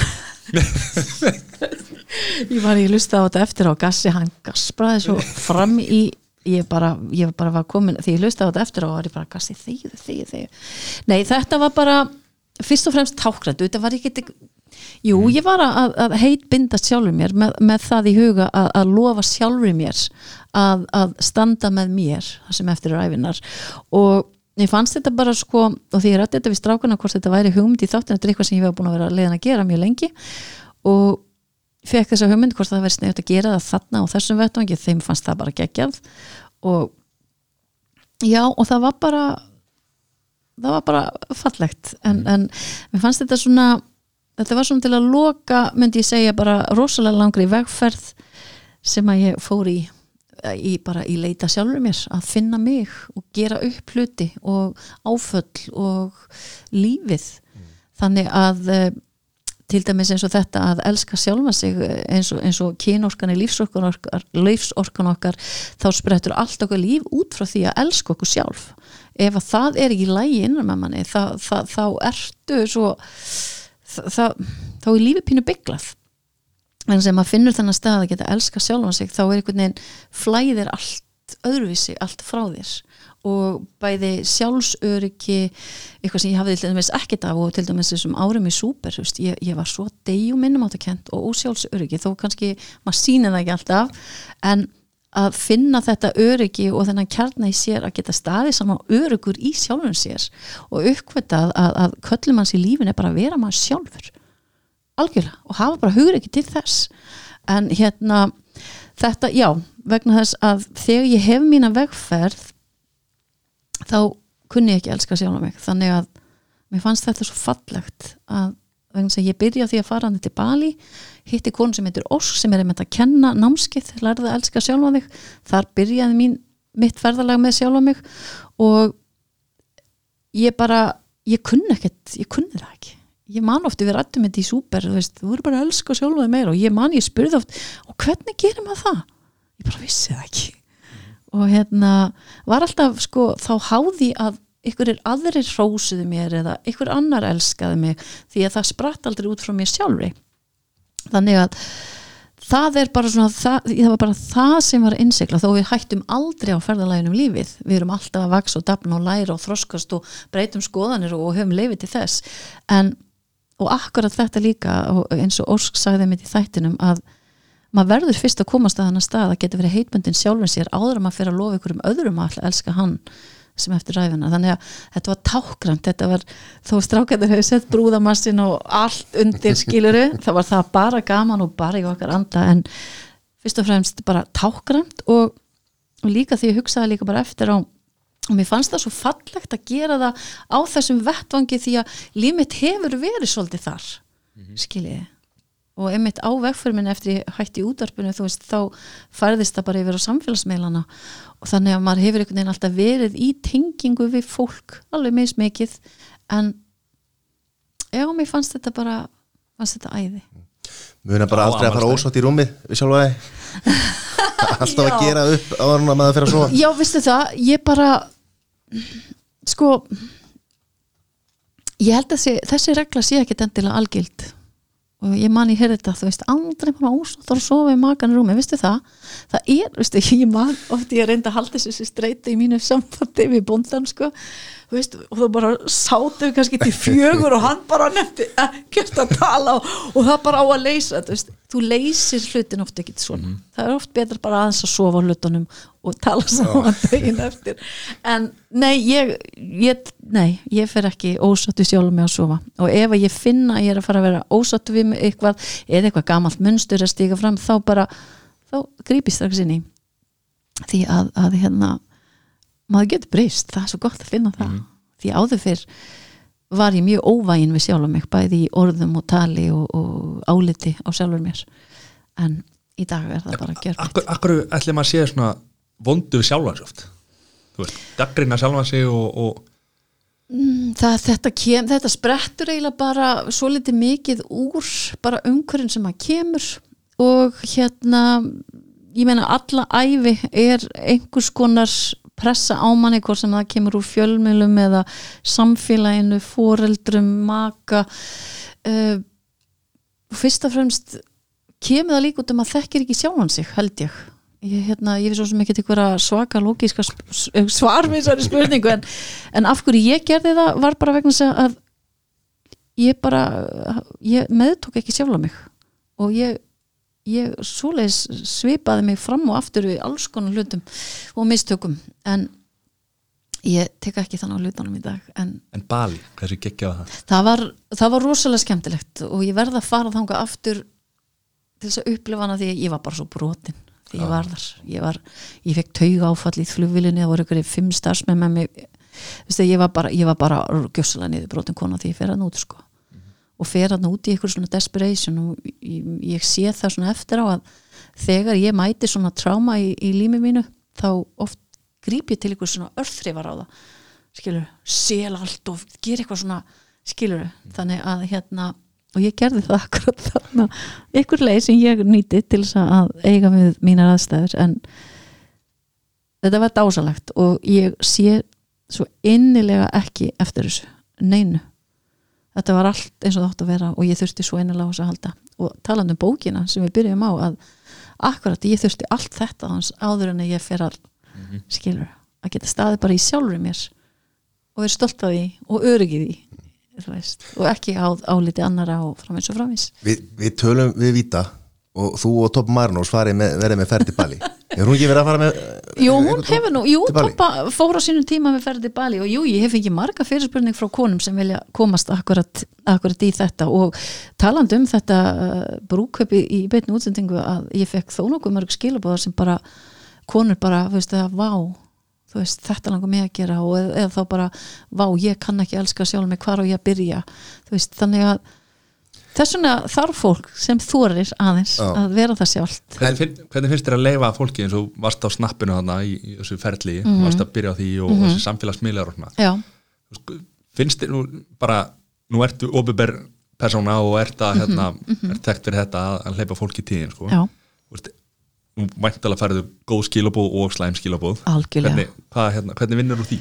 Hvernig finnst þér það? Mm. Sko, þegar ég var þegar ég var út á Bali þá upplifði ég svona mínu vestu eða sko ég man reynda því ég byrjaði súper og, og munið eftir var ekki Barnaland? Sem eitthvað húsmaður voru bara það er svoleiðis átu fólk lifandi. Og ég man að eh, ég, ég dætti einhvern tíma þar inn og ég var alveg jörðu skiluru og jú, fyrsta sinn sem upplifir svona er náttúrulega bara heartbreaking sko, það er en þú lærir síðan að lifa með þessu, þú velur þennan starfsferil og að vera opin skár með hlutina þína að þá er það bara það fylgir. Þú, þú getur ekkit kætt alla og það eru allir bara heiminlifandi það er alltaf einhverjir sem að þú veist, en sérstaklega þannig að það var eitthvað sem ég lærði bara að lifa með og lærði bara vilja að vera ekkit að kíkja á og, og velta mér upp úr. Ertu að blokka fólk eitthvað nei, nei, nei, nei, nei, nei, nei, nei, nei. en hérna, jú, ef, ef það verið eitthvað svona dónadót, þá hef ég gert það. Í gamla dag Já, hérna, way back. En hérna, en síðan Ertu hægt að blokka núna? Blokkar bara nei, nei, ég hef ekki þurft að gera það bara þú veist, heilengi en hérna það sem gerist svo er að ég fer til Bali og talandi um að vera undan sinni samtíð sko, að þegar ég er þarna á snappinu, bara með allt ofinbært það var enginn farin að tala svona á snappinu þá skilur, bara vera með tilfinningar. Nú eru allir þarna, bara grátandi og hlæjandi, þú veist. Þannig að auðvitað fekk ég pínu gaggrinni með þá alltaf bara aðtikli síkin, aðtikli síkin en svo ætlaði ég að gera heimildamind um þetta ferðalag sem ég bara held ég þyrst að gera því ég á all myndefnið og þyrst að búa til bara svona lítil litla, lítið dokumentur ekki endilega eitthvað fyrir sjónvarspöku, ég vil bara í síma það sem að renna yfir ferlið hvernig breytingum maður tekur þegar maður fer í svona vegferð með sjálfa sig. En ég fekk svo út af Bali skilabóð fyrir konu vegna að ég eh, ætlaði að fara að sapna fyrir þessar heimild minn á Karlínu Fönd og guð minn góður útreðin sem ég fekk á vef sem heitir Wanda Sisters á Facebook. Ekkert hvort það til ennþá en ég fekk bara þú veist, ég bara, ég fekk alveg skjáskot og þú veist, ég var bara jörðuð. Og það kom svona pínu við mig en ég var allan að komin samt á þann stað að ég vissi þetta hafði í raunin ekkert með mig að gera og hérna ykkur neginn náði að íta þessu frá mér. En ég viðkjönn samt alveg að ég hef verið mjög rög eins og til dæmis á Instagraminu mínu að opna mig eftir þetta atvik veist, ég er alveg með Instagram og Snapchat og ég bara sína frá lífin en það er ekki oft sem ég hef kannski bara opna hérta mitt eitthvað mikið. Því að þetta var rosalega útræð þetta var rosalega vond bara það bara- lögfræðingar og hásettar kon, þetta var, ég var bara semst að gaggrýna það að þú værir að setja svona persónulega Já, að sapna fyrir þú Já, veist, já. fólk vildi meina að ég hef bara verið að sapna fyrir ferðinni eða eitthvað svona sem er bara alls ekki rétt ég borgaði hana alla sjálf. En, en, en, en já að vera að reyna að fara að græða þá á þessu já, sem Fyrir- var bara sem alls ekki raunin sko. En, hérna, en svona er þetta. En maður á ekki að láta svona stoppa sig. Nei. og í dag finnst mér ekkert mál að lesa bæði jákvætt og neikvætt og eins og Gary Vee, vinnu minn sem að, ég veit ekki hvort ég veit hver er en ég hlusta mikið á hann. Hann er mikill mógull eða séni þegar kemur að markasmálum og samfélagsmiðlum og svona að þú veist, maður á ekki láta sér skipta þegar fólk er að segja gott um hann og ekki heldur þegar fólk er að segja slamt maður á bara að vera samkvæmt sjálfum sér og sannur því að þú getur alveg verið hann inni og verið bara endalist að taka þetta góða Mhm. og ítt þessu vonda í burtu. En þú átt ekki að vera háður kóru alltaf gaman að heyra átt að gera vel og ekkert gaman að heyra ef einhver er ekki fíla að gera. Það er bara þannig, skiljið getur ekkert gert öllum til það, það er bara ekki hægt. En með þessa mynd þarna þá hérna já, þá náði ég ekki söfnin á henni út af því að þetta var nefnilega svo ofbáslega skrítið að þegar söfnin mín byrtist inn á Karolínu Fönd og ég átti að fara að plugga þessu þá fer bara allt Ísland að leita byrnu mun eftir því. Já, bara leitin að byrnu og ég sagði bara við gæjan Karolínu Fönd og ég sagði bara, veistu það? Ég get ekki, ég hef bara ég get ekki fyrir að plugga leitin að Sigurlund þegar allir er að leita byrnu Mhm. þannig að í rauninni var ég að reyna eitthvað viku áður en að söfnin klárast að reyna klóra eitthvað í bakkan með þetta en það, ég náði helmingum en Já. allt er eins og það á að vera. Kemur sérna, ég er alveg, ég meina svona mynd getur líka bara hjálpað miklu fyrir heldur en það sem fólk er að drulla yfir því hérna, þetta er óþólandi sko þegar að Já, ég meina, samfélagið er bara svona. Þa, það, það er alltaf fólk sem að hérna hefur eitthvað slæmt um hlutin að segja og allir hafa skoðunur og það er gott og vel en það sem maður veit bara í dag að þetta segir bara miklu meira af fólki sjálft þegar það hraunar svona yfir aðra heldur en, en, en einstaklingi sem er verið að hrauna á. En ef þú ert bara samkvæmt sjálfur þér og þú trúir og staðfastlega þú setur réttir braut og allt þetta þá ámar einhvern veginn að reyna að snýða fram hjá áliti fólks. En færðu mikið, ertu að fá mikið af skilabóðum eða, eða brefum eða tölvupústum frá, frá bara ymsu fólki sem er bara eh, kannski leita svona ráða, ég meina þú hefur varst til dæmis með námskeið uh, í uh, ef ég mann titilin alveg rétt þá var þetta hérna sjálfströst óháð líka óháð líkanstingt, já.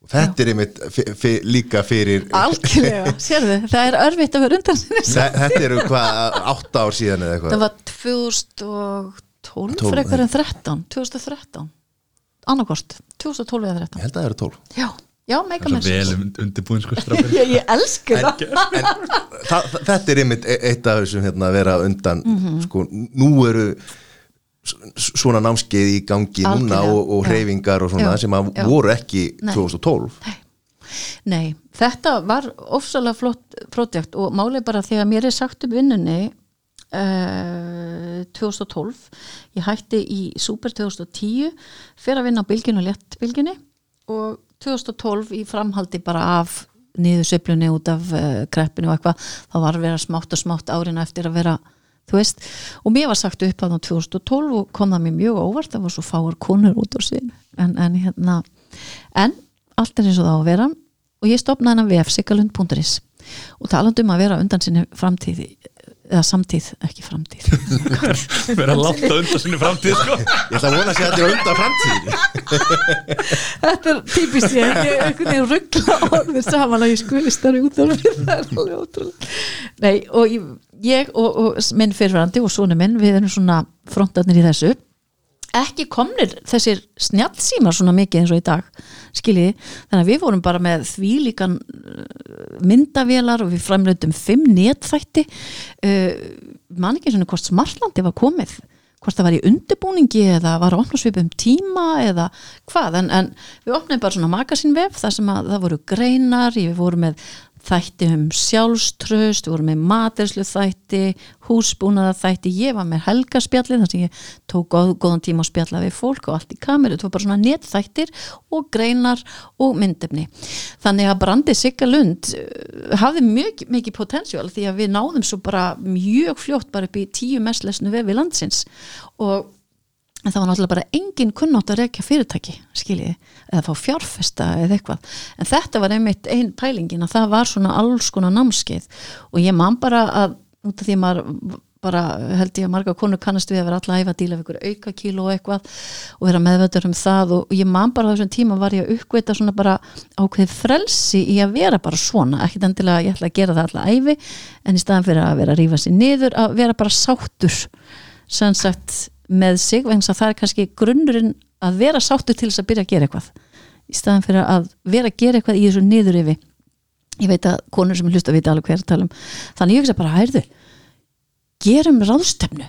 Og hérna það voru nefnilega, það voru sálfrængar sem skrifu greinarinn á vefin hjá mér sem að, að hérna voru að, að tala um svipað hluti og ég hóa þær bara saman og önnu vinkonu sem að var þá líka sjálfströstkennari í Dale Carnegie og sagði bara nú búum við eitthvað til og við gerðum þetta bara. Og þetta hétt sjálfströst og óhað líkamsþyngd. Fengum samstagsaðala, byggum til rúsaflottan nám, námskeiðsbækling og fylltum salin í Kóbói tekur 250 konur. Og þetta, þetta var ekki eitthvað sem við grættum á, við hafði þetta mjög ódýrt í að þú veist, mér mann bara sjálf þegar maður var oft ein, uh, fát, fátak einsta móðir að, að þú veist, maður gat oft ekki farið út af það kostaði svo mikið. Þannig að ég, mín hugsun var bara höfmyndun og að geta borga salin og, og, þetta, þetta, þetta.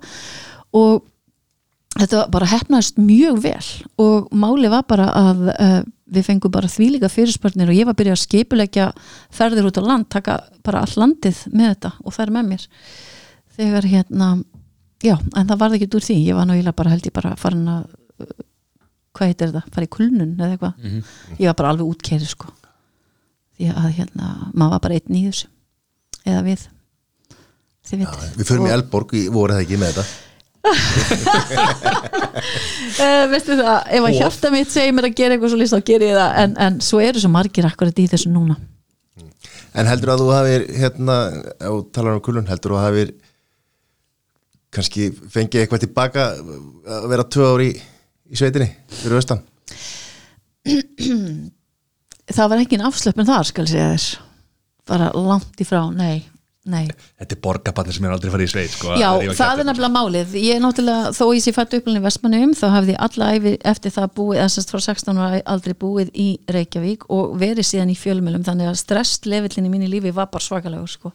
og þú veist ég, ég vissi ekki fyrir sko, ég spáði ekki eins og í þið hvað náttúra var, ég skildi aldrei hvað fólk var að tala um það, fara út í náttúruna því fjallgöngur, ég bara, ha? Þú veist, að fá ykkur orku og eitthvað, ég bara skildi þetta ekki.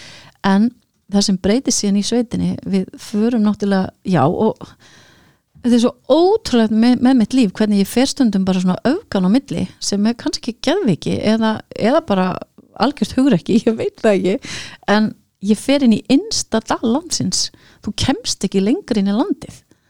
Og þú veist ég sem bara verða að vera við sjó sko, það er bara og ég fer þarna og við byrjum þennan búskap og brjála brjálaslega mikið að gera, að vera bóndi er ekkert grín sko, þetta Nei, er ekkert Ég bara ætla einmitt að segja sko því að leiðir þetta þess að villis í matta var að segja eitthvað borgabann ég var nú bara svendur í sveitir ég var yngri og við áttum hérna sveitabæð og pappa var ennþá kindur sko þá var búin að Ó, vinna nice. nice. kindum sko þannig að ég veit ekki hvað matti ég sé er að ég veit þetta ég veit þetta fara hérna þú veist að að, hérna fara réttir og, og, Já, þetta, er, sko. er bara svo miklu meira er gerðingavinna og mókarskít og, göngurnar og heiskapur þetta, er bara- bara allan ásýsing þetta er ekki bara að henda kindunum á sumrin upp í fjöll og þú getur bara að fara að ferðast skilur.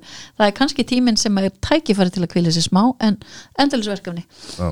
Matti kerði einu svona holtafur hefðina það er að lengsta sem hann hefur komið upp í sveit oh sko my god. Ég var alveg farið í göngur. Ha, En Þetta var að gleyma þeim eða? Veistu hvað hann fór í göngur, hann fór í gallabuxum og Jordan sko Nei, og fór í göngur. og eðilaði náttúrulega skona já hérna Steig út með gefa mýri þessu, sko. þú voru að gefa þessu meira séans ég segi fyrir mitt liti að í sveitinni þá kynnist ég með þessari nánd við náttúruna og uppvita hversu mikið náttúru bara ég er eftir allt saman. Og hérna en það var engin afslöpun þar, nei. Ég held bara áfram að keira í mínu kulnun held ég að þú veist við lokuðum vefnum í janúar 2014 og við erum komin hann upp í sveit í júni 2014 og hérna já, Þú líka kemur, kemur úr sko svona sjávarútdags, elst upp í sjávarútdags umhverfi sem er alltaf bara allt annað heldur en landbúnaðar umhverfi sko. en veistu það, þetta er svo dýrmætt lífsreynsla og ég lagði mig svo fram. Ég, ég, ég lagði mig fram við allt. Þetta var ekki bara, ég er eitthvað borg, borgarbarn og þið sjá um þetta, ég bara, ég virkilega lagði mig fram í öllu og var í, ég elskaði heiskapin það var mitt uppáhald að vera úti í opnum traktor í góðu verði, veðri og, og, og raka. Og svo náttúrulega þú veist, þegar var heimaslátun eitthvað, það gæti ég ekki, þá var ég bara í eldamat. Og yfirleitt í söðburði, þá var ég svolítið svona eldabuskan bara. Komið fjölskyldan og þú veist, og það sem var rosalega erfitt fyrir borgarbarni var að tengdapappi fyrirhandi flutti inn í bæinn svona þrjá fjóra mánuð á ári og gerðu treyndira vertíðina sína, hann er sem treyndira leysumar mjög vinsall og þá bara fluttin bara skítir og illa leiktandi reyndir að veiða menn og björgu bara inn á okkur í fjóra mánuði frá júli til september. Og þetta var erfitt fyrir borgarbarni mig. En margt sem að gerði mér rosalega sterkaðana en mitt, mitt líf í sveitin endar með uh, sambandslítum míns og, og bóndans og hérna og þaðan í framhald af því fer ég veist, þá fer ég náttúrulega bara í algjört neðubrot og fer hana til Bali. En þar byrjar líka uppbyggingin. En þá varstu búin að vera á Akureyri eða ekki? Á eitthvað. N4 og austur, austur heitir ekki austur fréttir Jú, ég náttúrulega, þegar ég var í sveitinni þá var ég bladamar hjá Östufrétt og í framhald af því fer ég að vinna með uh, bladamannum þar, Krissu og, og Gunnari að, að, hérna, að þættunum að austan á N4 og sem að verður svo í framhaldi að því að verður svo framhaldi að því að ég fer að vinna á N4 því ég fer á Akureyri og ástæðin fer til Akureyri er, eða á Akureyri er bara að ég held að þetta hef bara verið komið út í ystunöf hjá mér og mínum fyrrandi en við þorðum hvorki hvoru að taka skarið eða taka ákvörðun um það. Þannig að þetta var kannski svona skref í áttina, pröfum þetta svona en það lagaðist ekki neitt þannig að ég var, ég var á Akureyri í sex mánuði, sex, sjö mánuði og vann á N4 mjó En Matti, ve- ve- veist þú hvernig þau kynntust? Mér langar að segja útvarfinu sko. Á, á ég segja það? Að- með, sko, já, Ég er að tísku nutti í, í uh, Valaskjál það. Ha? Sáðu búin að lesa sér til Sæli við það Rifjar upp allar þetta settir í þessu þætti oh my god já, já, það var mjög spes. Var það í kringum? Var það það var í Supertúrnum 2009 Já, og hérna þetta var eitthvað útvarf Já. en, og máli er að, að, að hann aðalsteinn eða Alli, fyr, minn fyrirhandi hann hérna er fórnalambi úr salnum sem sagt, ég Já, fer inn og skipti yfir í korsilettið og hann er fengin upp og, og náttúrulega þeir sem að voru fórnalambi þurftu bara að klæða svo úr öllu nema hann er búksanum að sjálfsög já, ég var að Taka þyrluna hann eitthvað Nei og svo, svo kendi ég þetta nutt, og, það sem gerist svo í framhald af því er að hérna, þú veist, Gassi tók eitthvað upp á því einhver tíman í þessum túr að, að, að hérna þú veist, ef ég sagði eitthvað orð þá þurfti ég að taka skot og bara til að gera langur sér stutt þá, þá var salurinn fann að taka svo mikið þátt í þessu þannig að þeir, og ég óvart alltaf sagði þetta orð þannig að ég þurfti að taka ég voru mjög trökin og hérna eða svona vel við skál. Síðan klára ég atriðið og uh, fer inn í bakherbyggja að, að klæða mig úr, þá kemur hann bara hann inn og eins og í bíómynd íti mér upp á vegg og kissi mig svona svakal og ég þurfti ekki meira til en það, og hérna ekki það að ég ætla að enda með þessu manni en ég ætla svo sannlega að enda heima hjá að sem og ég gerði. En hérna svo ætla ég ekkert meira með þann dreng að hafa en sjö ár sjö ár. Takk, Og fyrir að rifja þetta upp. Herðu, ég var ekki að gera Nei, ég er að segja, ég, ég var líka að horfa Ég var að horfa á sæður sko. Já, ég segi á það að komi við að við en hei Léttur og þægilegur. Léttur og þægilegur spjall hérna. Ég vona ég ekki eftir að þurfa að fara út með hausboka Nei, nei, nei. Siggalund.is, það við ekki að fá það aftur í, í loftið, einhver, einhvers konar mynd? Jú, jú, ég hef alltaf haldið lénunu mínu og, og, og, og hef alveg verið að vinna í því að, að laga það síðu ekkert í þessu formi sem það var. Uh, en, en jú, ég ætla að, að endurvekja hana. Ég heyrði í útarpinu nú um daginn að hún varst að tala um samsæri kenningar Já, Þú ferð alveg í það. Oh my god. Ný, ég, bara, ég er að spá svolítið í þeim út af þessu COVID-dæmi. Hafið heyrt um David Icke? Nei, ég hefði reyndar átt að kynna mér hann að því að ég heyrði þið segja þetta í útarpinu en, hérna, Nei, ég, sko hann og bara margir fleiri, þú veist því að sko við erum náttúrulega að upplifa eitthvað sem við höfum aldrei upplifað áður. Og mér finnst þetta svo skrítið margt af þessu sem eðlilegt er. En þú veist, ég fer ekki að hlusta á samsæðskenningar yfir öllu eða þú veist, Nei. hef sjaldnast gert það í rauninni en ég hef verið að gera það svolítið í þessu, þetta COVID-dæmi og hvað mér finnst þetta mjög magnað sko. sagan segir að sko eina af þeim, það náttúrulega eru til alls konar að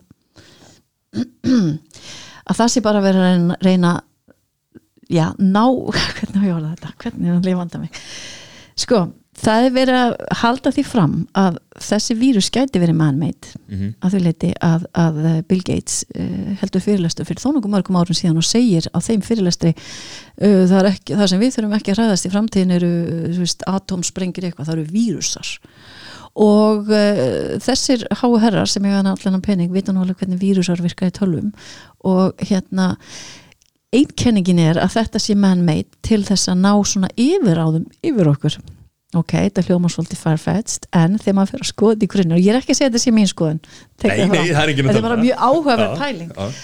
að bæði með 5G-nu og þetta að það, það er verið að taka síni og það er verið að gera alls konar græja og það er verið að tala um að, að, að það sem þetta mun síðan ég vil lenda út í er að þeir þurfa að græða í okkur hérna Tjé, eitthvað tjepp út af COVID eða, já, til þess að minnka- geta fylst með já. og þeir sem að vilja ekki gera þetta þeir verða bara pínlítið svona þú veist, þannig að þú ferð í veslun þá getur bara skannað andlitið eða Svipað eins og rakningar. allt þitt identity er bara eins og við segjum, allt okkar identity er líka við komið í síman, þannig við megum í tínunum og hvað gerum við þá? Hvað, hvað, getum við, hvað getum við gert til þess að þú veist, og líka þetta er bara pínu skeri með 5G þú veist, þú, þú, er, þú getur bara verið að lappa út í New York og þú bara kallar upp, Uber og það bara Komin. það bara, vitið, og, og það sem ég hef heyrt líka með 5G er að það sé hanna þannig og þetta er náttúrulega bara getgátur að, að það pikki upp tilfinninguna þína þannig að þið geta sendið rétt auglýsingarnar þannig að það er verið að reyna að ná svona algjörum stjórn á okkur þannig að við séum að fara sem lengst frá hjart okkar En er þetta ekki svoleiðis núna? Að mörgu leiti Sérstaklega, ég meina, það hefur allir talað um það ef að þú, jafnvel, ef þú segir eitthvað við símaðin sko, þá bara, sko, fyrir nokkru dögum síðan Mhm. þá var ég að reyfi upp sögu sko, af Ítala sem að æfði handbólta hérna með mér eitt vetur þegar ég var svona 18 ára Mhm. -hmm. ég hef ekki talað við eða, eða átt í samskiptu við þennan Ítala síðan, ég er núna bara í 17 ár. Já. og ég er að segja, segja eina sögu skemmtilega sögu morgun eftir fæ ég skilabóð frá þessu banni sem að segja bara hello bara I saw you online, decided to drop you a line.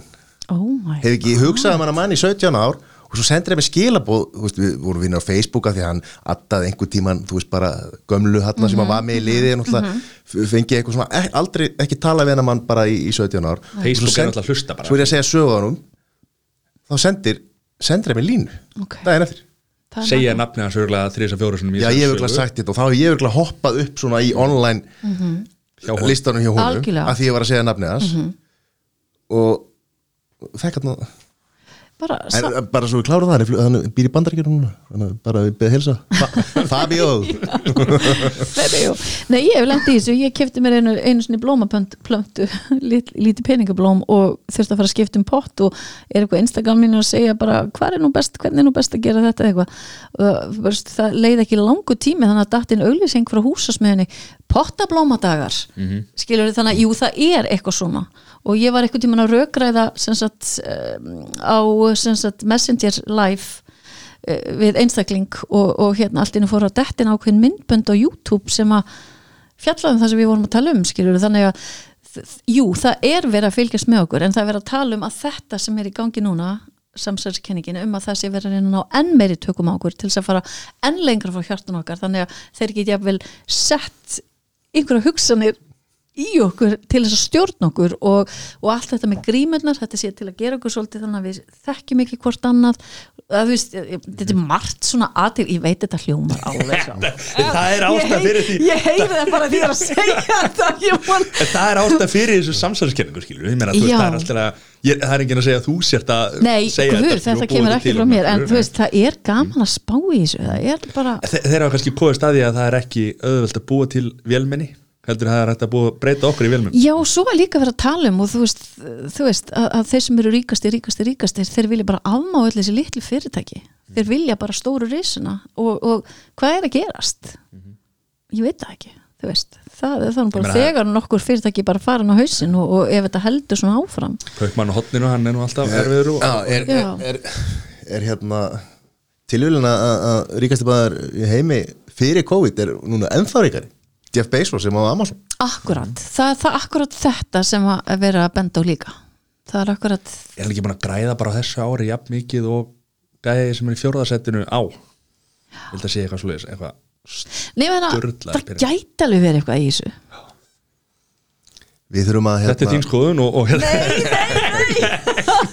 því að svo, svo er maður líka alveg sko skinsamur og, og, og þú veist en þú veist, þetta er bara svo magna fyrir bara þetta COVID, að, þú veist, þetta er svo skrýtnir tímar einkenningin sá ég einhvers staðar er, er, er svo að reyna að hérna að það sé svona að hefta eða taka á innflytjanda vanda Já. þú veist eins og núna þá bara er þetta þú veist sinja fólki og færa fólk til Já. allt í nafni hérna þú veist já. Já. og ímislegt svona það er mér hérna. finnst þetta ekki góð hugmynd í þar þetta er lélega, þetta er þín skoðun og, og, og endur spekla ekki sko, skoðu þáttar að og, og, og líka er náttúrulega þetta er algjör draumu fyrir, fyrir, sko, fyrir einræðisara og ég meina bara eins og í Pólandi þar sem að að fórsetin hefur tekið sér meiri völdur en hafði í nafni Já. neyðar hérna laga. Og, og hann hefur verið að koma inn að mér skýrst, ég er ekki búin að kanna ég hefur, verið að koma inn uh, harðari stefnu gagvart samkynniðum nýtt tækifærið að vera með meiri völd heldur en venjulega af því að það er neyðar ástand Já. ég hef verið þetta líka í bandarækjana sko, menn séu sambandi við hérna, mótmælun á það að það sé verið að setja lög á út af COVID til þess að minka mótmælun en það hefur ekki gengið þar en, en það er samt um leið og stígur eitthvað skref um að bara banna útgöngur í borgum. -hmm. þá er svo auðvöld að setja á aftur ég veit það. Hvort sem það er einhver heimsfaraldur eða eitthvað annað. En ég vil líka bara upplifa bara hér heim á Íslandi sem við erum reynda búin að hafa það mjög gott en samt að upplifa þessa skerðing á frelsunniðinu og að þú veist æði vitið, þú veist það er bara ekkert eins og Já, á sér að vera. heimsótt hérna, ömmur og afa og, og, og, og fara á spítala og eitthvað svona sem að er bara og ég, einmitt, vont, sko. mamma fór í aðgerðum dagina mitt og hérna og ég fór að heimsækjana og þú veist, mér brá bara eiginlega pínlítið vegna þess að ég kem inn og þú veist að dingla til að komast inn og það má bara koma einn á dag. Þannig að ég fór í þann, þann daginn. Þá maður bara láta hann fara í slopp og grímu og plasthanska og ég, ég bara, þú veist, mér leið algjörlega eins og í vísindaskáldsögu. Ég lappaði í gangin til að leita hvað hún væri horfði inn svona öll herbyggin og það horfðu svona allir tilbaka og með allir með grímur og einhverjum gulum slopp, og svo þurfti maður bara að heilsa upp á mömmu og, og mátti ekkit snerst eða knúsast og, maður var bara í þessari múndringu þetta, þetta var rosa skrítin upplifun. En þetta er eitthvað sem að eins og skrílhónsinu er búin að segja fordæmalaus mm -hmm. Fordæmalausir lausir tímar. Ekki fordæma, fordæmalausir. Já, þetta þetta, þetta er rosalega spes og maður spái bara þú veist, já mér finnst það alveg með í njóta af avans hvort það er eitthvað grökkutt á ferðinni sko. Ég ætla að vera að köpa mér álpapir inn í bónu svona, setja á hausina mér. Þannig að 5G komast ekki í hausina mér. En fljótlega getið þið lesið meira um þetta á sigalund.is eða ekki? Nei, nei, nei, nei, nei, hættið nú alveg. Herra, er þetta ekki að vera helviti gott? já, ég, hvað eru við búin að tala Einn og hálfan. já, hérna, fljóttilega Svakalega flóta líða. Takk kjærlega